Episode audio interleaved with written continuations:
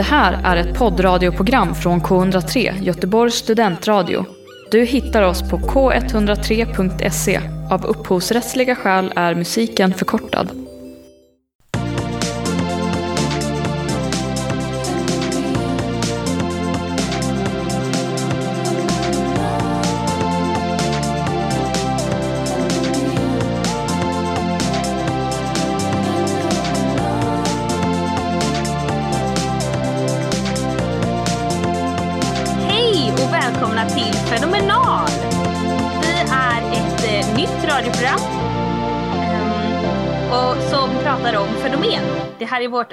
Andra program som vi har idag. Ehm, och det är jag Josefin. Jag heter Hanna. Och jag heter Kajsa. Kajsa, kan inte du berätta vem Hanna är? Absolut, jättegärna. Då är det så här att eh, Hanna Henkeman som är med oss här i vårt program, hon är 24 år och kommer ifrån Lerum men bor nu i Göteborg. Hon är en mångsidig artist, utbildad eh, musikalartist och skriver även egen musik som nu finns ute på Spotify. Kolla in Hanna Henkeman. Och mer är på gång. Ja, härligt. Och förutom eh, frilanslivet och att skriva musik så arbetar Hanna som vikarie på skola och säljer skor i coola butiken Vans. Och hon är för övrigt lite av ett proffs inom friluftsliv eftersom hon har tillbringat mycket tid i scouterna. Hanna Henkeman, en applåd. Woo! Tack så mycket, tack. Wow, det där var en otroligt bra presentation. Tackar, tackar. Jag tackar så mycket för den. Eh, får jag presentera dig nu då Josefin? Ja, shoot! Okej, eh, min är lite kortare, men jag tänker att den, den är kort och koncist. Josefin pluggar tredje terminen på journalistprogrammet i Göteborg och hon är en, en ur-göteborgare kan man säga. Eh, och eh, jag har hört lite rykten om att hon är bra på att försöka minska sina inköp. Det kan ju du kanske nästan få flika in där och vad du responderar på det. Ja, jag förstår att du har kollat på min, eh, mina händelser på Instagram där då. Ja. Jag hade en liten, en liten utläggning om mina inköp. Jag tycker det är intressant att dokumentera och eh, man, bara genom att så här kolla igenom, jag kollade då igenom de kläderna jag köpt under året, så blir man väldigt medveten om ens egen konsumtion och kan ju bestämma sig för om man vill ändra på sitt konsumtionsmönster eller om man är precis där man vill vara. Skitkul tycker jag. Ehm, Verkligen. ska vi se, Kajsa då kanske jag ska berätta om. Ja. Ja. Så Kajsa Wittbolt, 27 år gammal, nej 26. 25! 25! Wow! Jag blir 26, Jag, bara, det var nästan nära. jag, jag blir jätteförvirrad där. Okej, vi, vi, Vet du, jag tror det här är tema. Förra veckan sa jag helt fel eh, flera gånger om min ålder, så att eh, det är väl som det är. 25, men du skulle snart fylla 26, var det så? Det stämmer.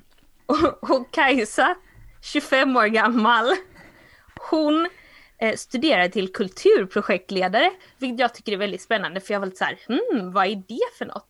Men eh, nu när Kajsa då har förklarat det för mig att man, man lär sig ledarskap då inom kulturliv, typ det ordet säger, så eh, och att hon vill fokusera på scen och teater så har jag spunnit iväg lite där och jag ser ju framför mig att eh, Kajsa kommer bli den första svensken under 30, kanske till och med att eh, producera en musikal på Broadway. För att eh, Kajsa har ju också hållit på med musikal då. Fantastiskt. Eh, tack så jättemycket Josefin. Jag eh, ska försöka att leva upp till de eh, ambitionerna som du har lagt på mig nu. Och så kan jag återkomma inom tre år hur det har gått. Ska vi göra ett program om det. Helt perfekt. Ja, det ser vi ju fram emot. Men vad härligt, vilket gäng vi är. Vi är ju ett nytt radioprogram, eller hur? Ja, det är vi. Ja. Förra veckan så hade vi ju, eller förrförra beroende på när du lyssnade, så hade vi ju vårt första program. Vad pratade vi om då? Då pratade vi om olika typer av ordfenomen. Så vi pratade lite om eh, nyord och eh, ord som var lite sådär eh, aktuella eller kanske aktuella när vi var yngre som används flitigt, bland annat.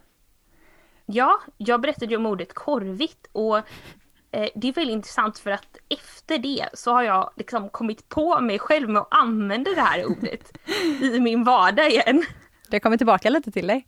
Det har kommit tillbaka, det var inte meningen. Sånt som händer. Ja.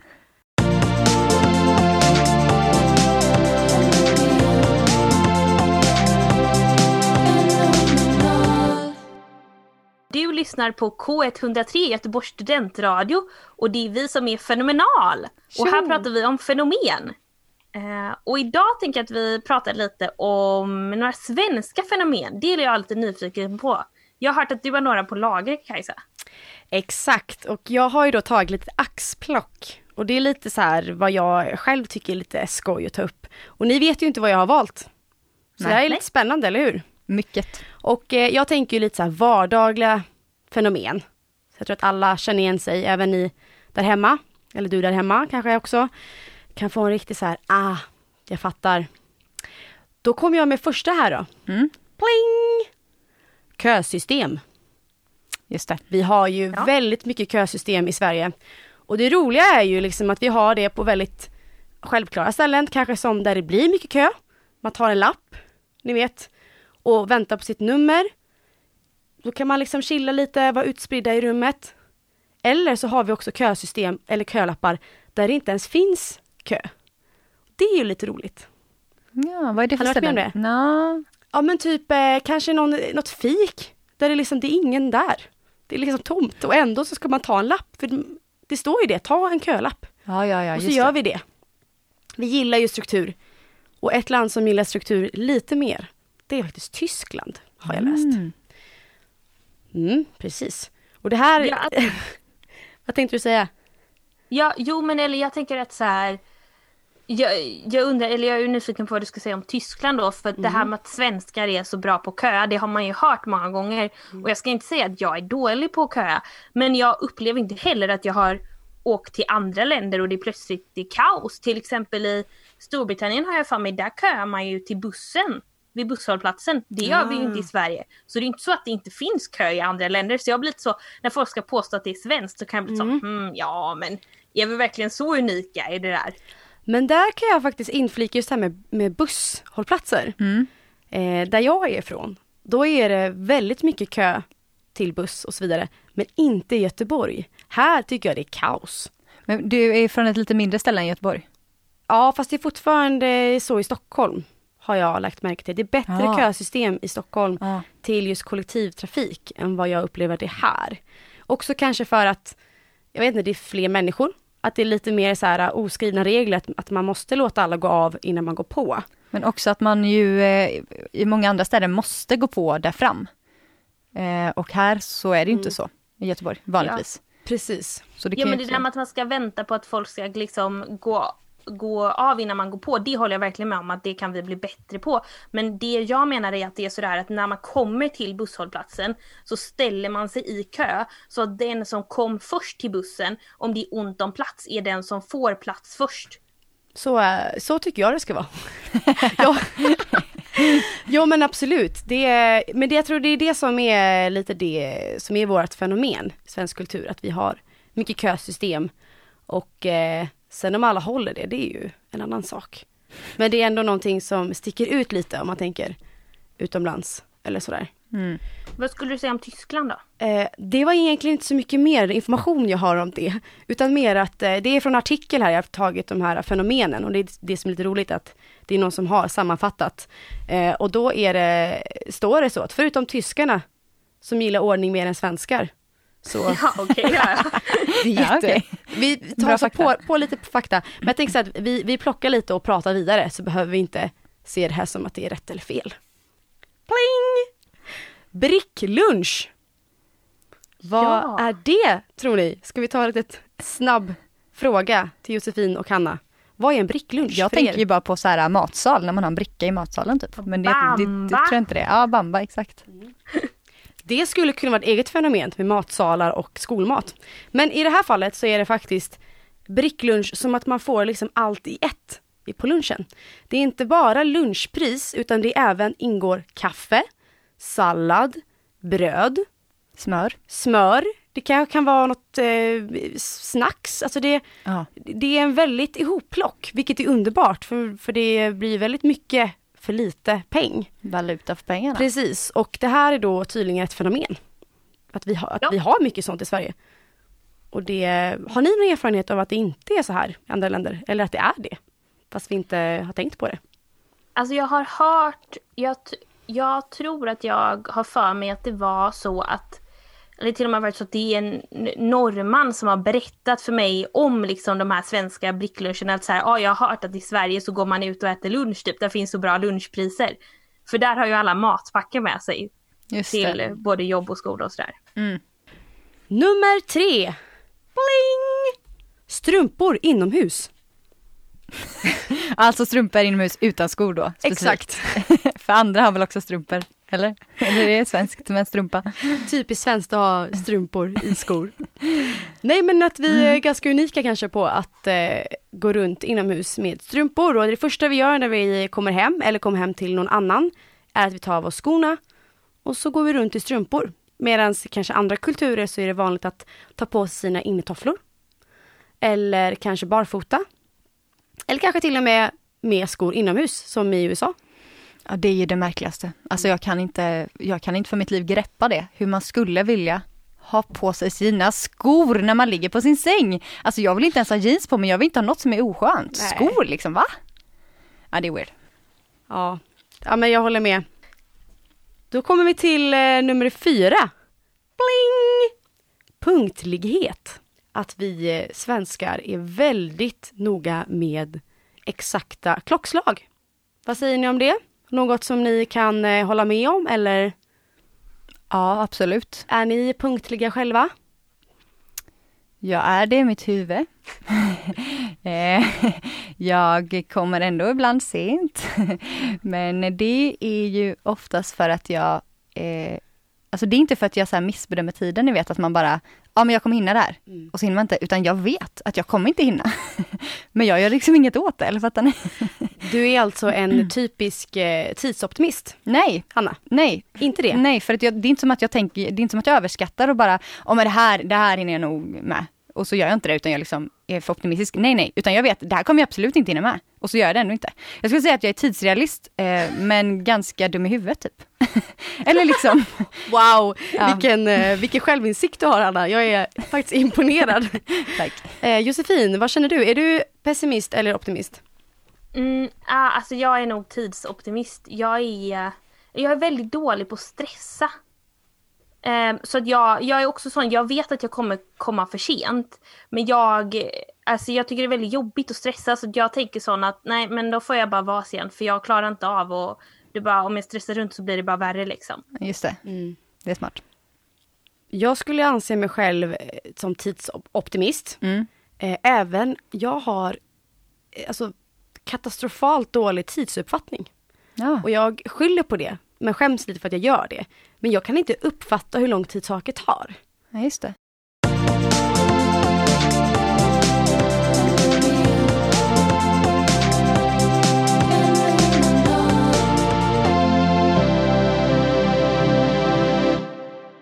Ja, innan låten här så lämnade vi lite er som lyssnade på den sista fenomenet som jag skulle presentera. Eller hur? Vi hade fyra stycken, pratade om, svenska fenomen. Och nu har vi kommit till den sista och kanske mest eh, erkända. Jantelagen! Jantelagen! Woho! Oh, peppigt med jantelagen hörni. Men du ska bara veta, du ska inte tro att du är något. Just det. Nej. Ja, Ja. Ni, men undrar ni någonting om jantelagen eller? Mycket, väldigt, väldigt mycket. ja. Varför finns För- den? Var ja, kommer den ifrån? Och så vidare. Ja, för jag har ju tagit reda på lite historia då. Eh, jag visste lite av det innan, men eh, eh, för att det här är inte bara ett svenskt fenomen, utan det är ett ganska skandinaviskt fenomen. Mm. Ehm, och eh, alltså jag menar fenomenet som så, eller tankesättet, mentaliteten har ju funnits jättelänge. Det säger Dick Harrison i alla fall, att det är uråldrigt. Liksom. Och om han säger att det är det, då får vi ju lita på honom. Ehm, men att vi kallar det just jantelagen, det beror på en bok som skrevs av en dansk-norsk författare och det är ju därför det verkligen blir skandinaviskt liksom, för att han var, det var inspirerat av en dansk stad, men han skrev på norska. Eh, Axel Sandmose hette han. Antagligen inte uttalas det så, men ni fattar. ja. Var han dansk? Eh, han var dansk-norsk, alltså både ja, han var både och. Jag tänkte om jag skulle försöka säga det då. Du får jättegärna ge ett försök Hanna, jag blir nyfiken. Axel Sandmus. Vad var det där? Eller eh, Axel Sandmoe. Ja, det var Ja, mina jättebra. bidrag. Ja men det är bra, då får vi lite känsla för honom. Ja. Eh, så 1933 så skrev han en bok som hette En flykting korsar sitt spår. Mm. Ehm, och i den här då så målade han upp en fiktiv stad som hette Jante. Och det är inspirerat av den danska staden där han växte upp. Um, och, och, han satte, och i den här staden då så fanns det liksom tio stycken punkter. Um, och jag menar de är ganska likvärdiga så du behöver inte läsa alla men det, det handlar ju, den första är då liksom du ska inte tro att du är någon. Eh, och så fortsätter det sådär att du ska inte tro att du vet mer än vad vi gör och du ska inte tro, det, tro att någon bryr sig om dig och liksom allting sånt. Det där som finns i, i jantelagskonceptet som vi använder kommer från de lagarna som han skrev ner i den boken då, på 30-talet. Vad var det liksom för typ av bok? Alltså var det så här skönlitterärt eller var det? Jag Liksom. tror att jag läste att det var en satirisk novell. Mm. Eh, för det är liksom, ja staden är ju fiktiv då och den här staden målas upp som väldigt negativt. Alltså det här att de har de här jantelagen, det är inte något, det är inte något positivt liksom. Nej, Men- Eh, men vad- Utan det är som en samhällskritik typ. just det. Men ändå Mot- liksom, eh, du säger satiriskt, alltså det, att det ändå är någon typ av lite så skämtsam ton i den, eller? Ja, men jag, som sagt jag tror att det är, det, det är liksom riktat som en kritik mot det här, den här nordiska mentaliteten. Om att man inte ska tro något om det. här. Det finns ju liksom, den har ju blivit kritiserad att det är typ, det finns till och med liksom så här folk som har menat i debatter och så att jantelagen är en av anledningarna till så här de höga liksom, den höga självmordsstatistiken i Norden Oh, och sådär. Gud, det är verkligen väldigt seriöst. Jag har inte tänkt på jantelagen på det sättet innan. Intressant. Nej, Nej. det är ju, men de flesta, det är ju inte det man pratar om först kanske. Nej, Det är inte... det är en viktig aspekt tänker jag. Verkligen. Ja, det, det är ju många lite så, det, det låter ju så, det är lite tungt när du räknar upp så här. Du ska inte tro att du är något, du ska inte tro att du är bättre. Alltså det är ju lite så här, eh, det är som tio budorden fast väldigt, eh, Ja, det är lite en, en Riktat, hemsk liksom. variant. Ja, ja. Det är som en liten inte, twist. trycker ner någon annan. ja Liksom. verkligen. Men kul att höra historien om det också. Få lite Ja. mer ja, förståelse för var det kommer ifrån och, och sådär. Och att det inte är ett svenskt fenomen som kanske det talas om, utan det är ett skandinaviskt eller nordiskt Mm. fenomen. Men eh, vad tänker ni om eh, jantelagen då? Har ni någon egen relation till den liksom? Ja, men absolut. Eh, jag tror nog att jag är, faktiskt är väldigt påverkad av den. Eh, att det känns som att det är en väldigt stor eh, del av min personlighet eh, fokuserar på liksom att vara ödmjuk. Eller att det liksom är väldigt så här, viktigt för mig. Och jag tänker att det kommer eh, nog lite från, från hela jantesamhället liksom. Eh, att jag är nog väldigt försiktig med att liksom jag vet inte, erkänna att jag är bra på grejer och sånt. Eh, och kanske också att faktiskt ha svårt att tycka det ibland också. Att det är lite sådär att det trycker, trycker ner på ens eh, självförtroende på något sätt. Det tog väldigt lång tid innan jag lärde mig att säga tack när någon sa typ att jag hade sjungit fint på någon konsert eller så. Eh, och då, anledningen till att jag lärde mig att säga tack var för att jag insåg att det var ganska rude typ att inte säga det. Eller så att i början när jag var yngre var det mest att jag bara nej, lägg av typ. Och så insåg jag, men det är ju jätte Komplimanger är svårt. Ja det är det, men det är väldigt Just typ så här taskigt att säga nej när någon säger vad den tycker också. Så det var typ det som jag, att för någon annan skulle att jag bara, jag måste nog faktiskt lära mig att bara ta emot det här, att den får tycka att det är fint. Mm. Typ. Ja, Jag kommer ihåg när, jag, när man var liten och det var liksom så, eh, det var, ja, men det var lite fult att säga tack. Mm. Liksom när någon gav en komplimang och det kunde verkligen vara en, ja, men en tröja liksom. Mm. Och då kom jag ihåg att det var någon i min klass när jag gick i typ i femman, sexan kanske, som alltid sa, eller alltid men ja, jag kommer ihåg i alla fall som att eh, hon eh, sa att hon inte tyckte att den var fin. Så här, nej, nej jag tycker jag inte. Ja alltså Eller, vet, om hennes egen... Ja, precis. Och, och jag tänkte ju bara så här, men varför har du den då? Och du vet, men man, men man fattar ju att ja, det är så här, så här det är, liksom. det är så här ja. det låter. Och, och, och jag vet inte vad jag sa, jag kan inte komma ihåg riktigt, men jag kommer ihåg ändå att jag reagerade på att det var någonting som sades. Man Mm. fick en komplimang och, och sådär. Mm. Eh, man inte skulle sticka ut. Det var en liten by också, ett litet samhälle. Men jag tror det absolut finns eh, inom oss, alltså oavsett vart man kommer ifrån eller att det ändå är någonting som hänger med. Men jag tror i absolut livet, liksom, att det finns i mycket. storstäderna också. Ja, absolut.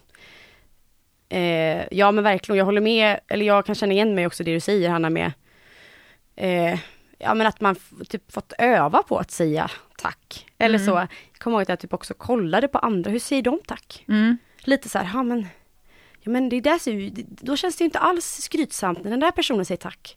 Då borde det inte vara konstigt om jag heller säger det. Mm. Eh, och det, det låter ju verkligen jättekonstigt att säga det så här högt på ett sätt. Men, Ja. eh, men det är ju verkligen eh, inget konstigt att känna så, men, men samtidigt så är det ju tråkigt Ja, att det är en verkligen. sån grej. Ja, men det, men det är fint att så här, kunna ändå lära av varandra. För det betyder också att man, om man vill, om man vill förändra någonting kring det här så finns det möjlighet till det för att man, man lyssnar på varandra liksom. Men vad är din eh, relation till jantelagen Josefin? Ja, svårt. Men, eh, nej, men alltså, jag känner väl igen mig i det ni säger, liksom, att just framförallt då som sagt med komplimangerna, att de är svåra att ta emot. Men sen kan jag väl känna, jag är kanske inte den som är mest, eh, eller så här, jag har inte jättesvårt för att tycka att jag själv är bra. Jag har ganska bra självförtroende liksom. Men det är väl bra?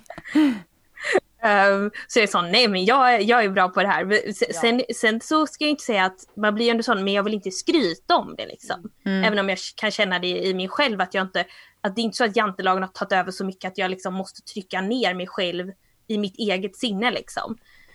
Nej. Eh, men eh, men ja, men jag, jag tror också att jag märker att jag är ju ändå, jag har ju det där, för jag är ju själv sån när folk kanske så här är lite framträdande och gärna framhäver sig själva så blir man ju fort sån, oj det här var en person som var väldigt liksom, tar väldigt mycket plats. Typ. Mm. Ja det utmärker sig verkligen, tycker jag i alla fall. Alltså att man känner att man märker att det finns en norm. Och om någon då går emot den genom att vara så här, bara, men gud jag är bäst på det här. Eh, så blir man väldigt så här, "Ah, är det något fel på dig? eller liksom att man blir så här, "Uff", man reagerar ju verkligen, eller jag gör det i alla fall.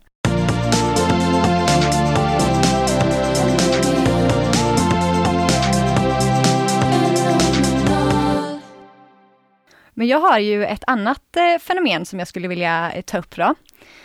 Och det kan vi säga är som en liten antagonist till jantelagen. Och det kallas ju då för better than average effect. Ooh. Oh. Är det någonting som ni har hört innan? Eh, nej, Ja. men vi kan ju presentera för det, eller precisera för den som kanske inte riktigt Ja men precis. hänger med att, det att better than average betyder ju lite bättre än medel liksom. Exakt. Så det som det här eh, fenomenet går ut på är då egentligen att vi människor tenderar att överskatta våra förmågor jämfört med genomsnittet. Så det kan, allt, det kan handla om allt från att liksom tänka att man är, eh, man kanske klarar av saker lite bättre än andra. Men det kan också vara att man har, eh, tänk att man har lägre risk för att eh, liksom utsättas för hemska saker än andra.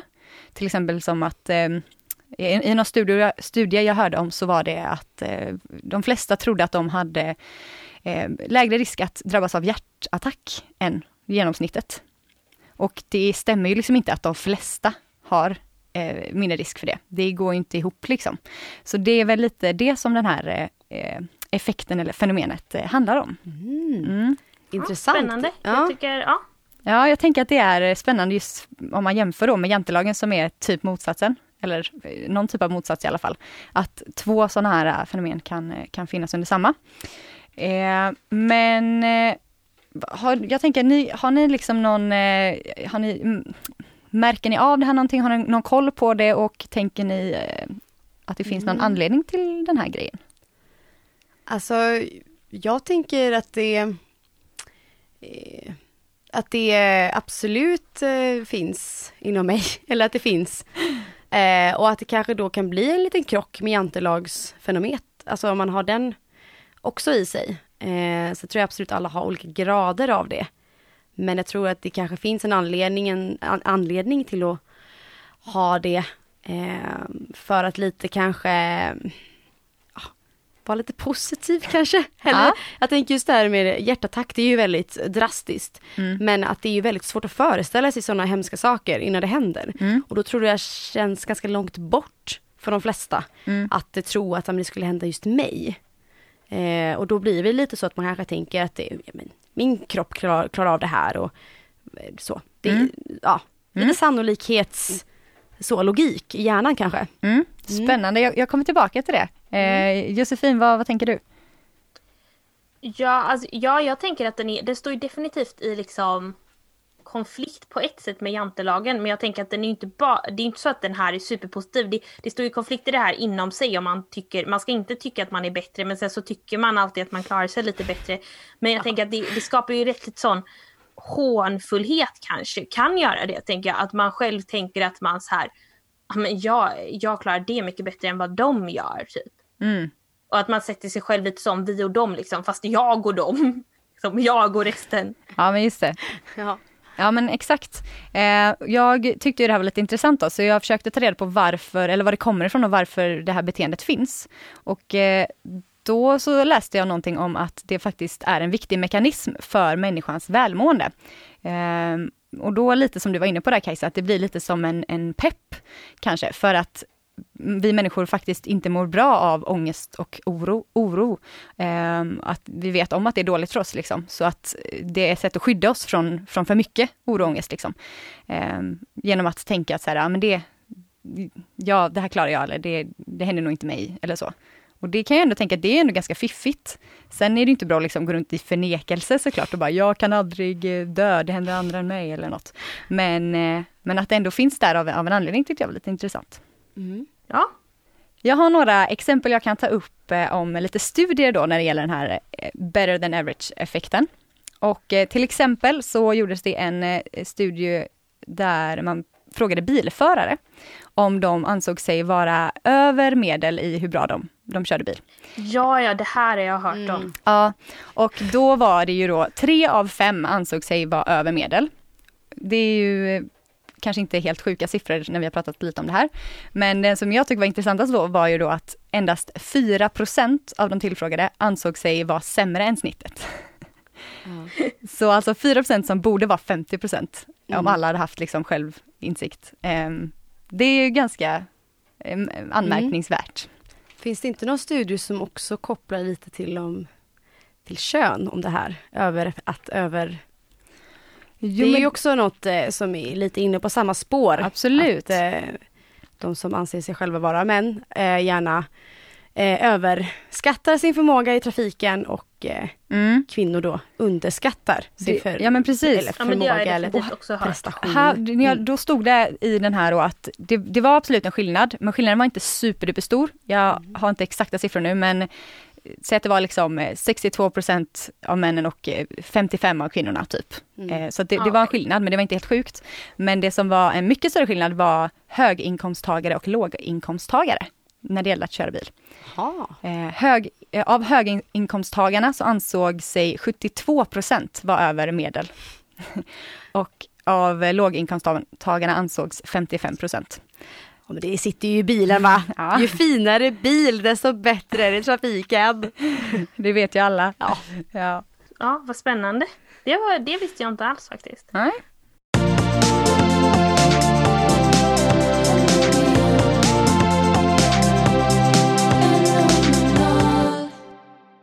Och nu är jag lite nyfiken på er liksom relation till det här. Då. Om ni liksom känner att det här är en, ett fenomen som är starkt inom er själva eller hos andra ni ser. Om det påverkar er och så vidare och så vidare. Jo men, det, jo men det tror jag. Jag är äh, absolut, jag, alltså så här, nu får man ju, det här får ju verkligen inte mig att framstå i bra dagar men jag tror att jag har ganska lätt för att sitta, kanske framförallt sådär på sociala medier, att man sitter och scrollar och folk gör saker som man inte riktigt Alltså typ så här, jag tycker ofta att inredning är ful och så tänker jag så här, herregud om jag flyttade in där så hade jag kunnat göra det mycket snyggare. Fastän jag står i samma rum som jag själv inredde när jag var tio år och absolut inte har gjort några ändringar sedan dess liksom. Eh, Jo men jag tänker nog också att jag gör det en, en del. Mm. S- vet inte om jag kan komma på något så här specifikt exempel eh, riktigt. Eh, kan, kanske, ja, man tar något så här enkelt som hemma, typ, i lägenheten. Så eh, tycker jag att jag har jäkligt bra koll på vad saker finns.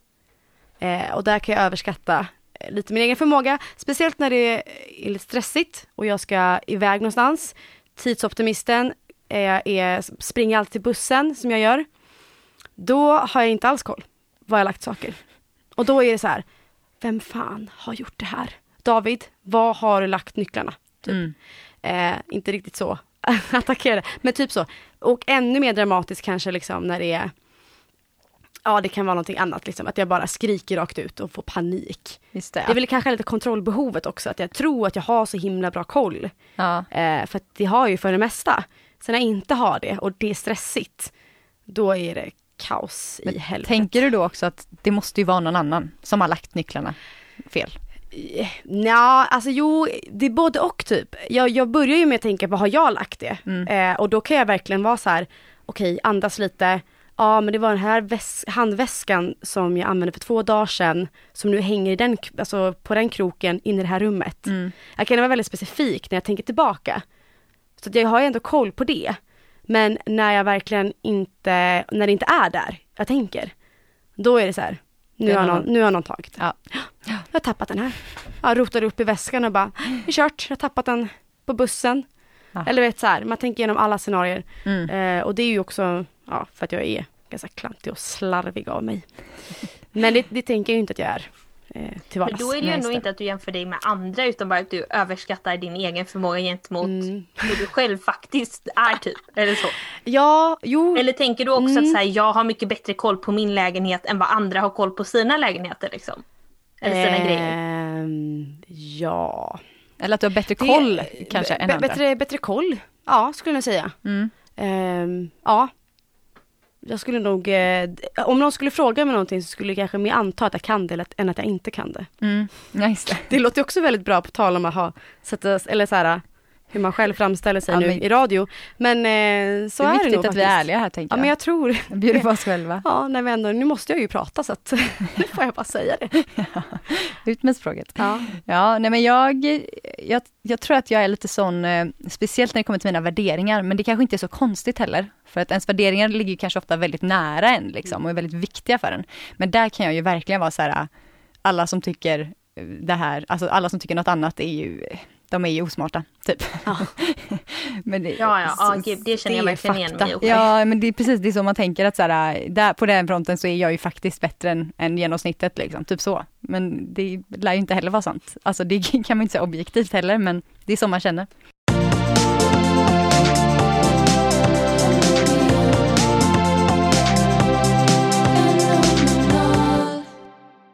Och nu har vi ju pratat väldigt länge om Först då jantelagen som är det här att du ska inte tro att du är bättre än någon annan. Och sen om better than average effekten som ändå vi kan erkänna att det har vi också känt av. Att det här att man tänker att man är bättre än andra.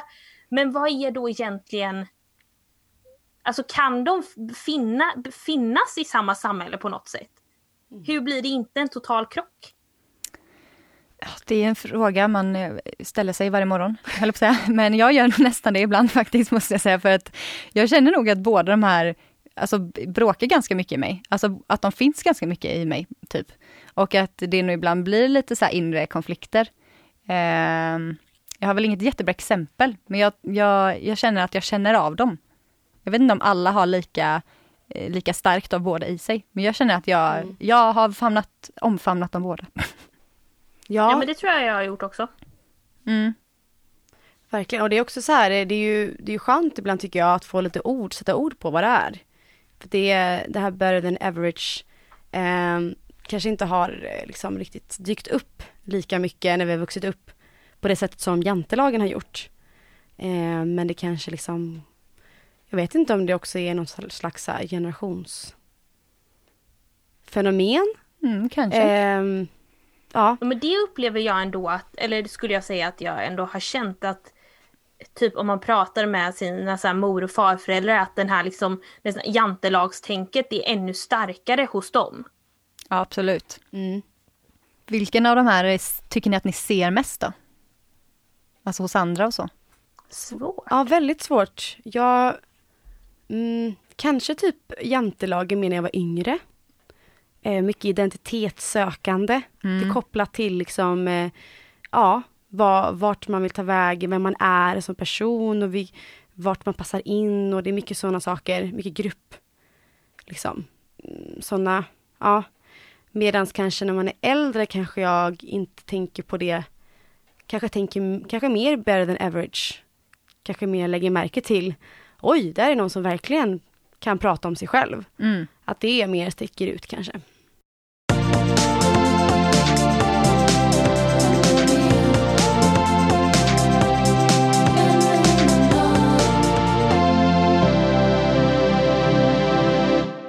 Vårt program är snart slut så jag tänker att vi ska så här, ta en liten sammanfattning av allt det vi har pratat om idag. För det är ändå ganska mycket. Vi har kommit en lång väg från de där kösystemen vi hade i början, eller hur? Ja, verkligen. Vi började ju med liksom lite vardagsfenomen och landade i något ganska ingrott. En ingrodd norm eller struktur Mm. eh, som finns i vårt samhälle och eh, främst i Norden. Verkligen. Och på vägen så nämnde vi ju eh, jantelagen såklart och eh, better than average effekt. Så att eh, både det här om att eh, vara, eh, inte vara någon och inte liksom vara bättre än någon annan och det här med att faktiskt tro att man är bättre än genomsnittet. Och att det tydligen var väldigt vanligt, kanske vanligare än vad vi eh, trodde. Eller jag hade ingen aning om att det var så, Att det verkligen var en grej liksom. ja precis, Mm. att det var sån hög siffra på att folk generellt överskattade väldigt mycket Mm. sina förmågor. Intressant tycker jag också att vi båda, ha, att vi alla kände att vi hade liksom grejer, både att vi var präglade av jantelag men också better than average effekten. Att trots att de här kan verka så totalt motsatta så fanns de uppenbarligen inom oss och i samhället samtidigt ändå. Verkligen. Ja, och Hanna, vad känner du? Är det någonting du har lärt dig idag? Lite så? Något fenomen som det satte sig lite extra? Eh, nej men jag fick upp ögonen för den här eh, lunch, bricklunchen. Just det, det är väldigt svenskt dock. Ja, Ja, dock, eller det är det är det. tydligen det. Tydligen är det det och det har jag ju lärt mig idag. Mm. Men annars så har det varit väldigt bara intressant tycker jag att reflektera över de här eh, två eh, större fenomenen typ och, och tänka lite över på hur mycket de faktiskt kanske har påverkat den. Väldigt, eh, ja kul, kul program hörni. Verkligen. Ja, jättekul! Och så roligt att du ville lyssna på oss idag. Du hör oss igen samma tid, samma kanal nästa vecka. Just det. Ja. Hej då! Hej då! Hej då!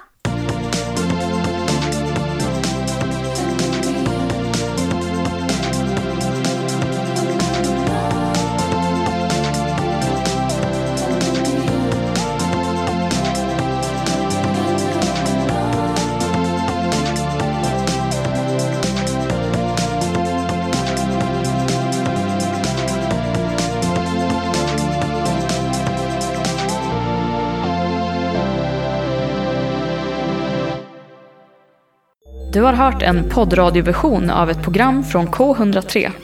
Alla våra program hittar du på k103.se. Följ oss gärna på Facebook eller på Instagram.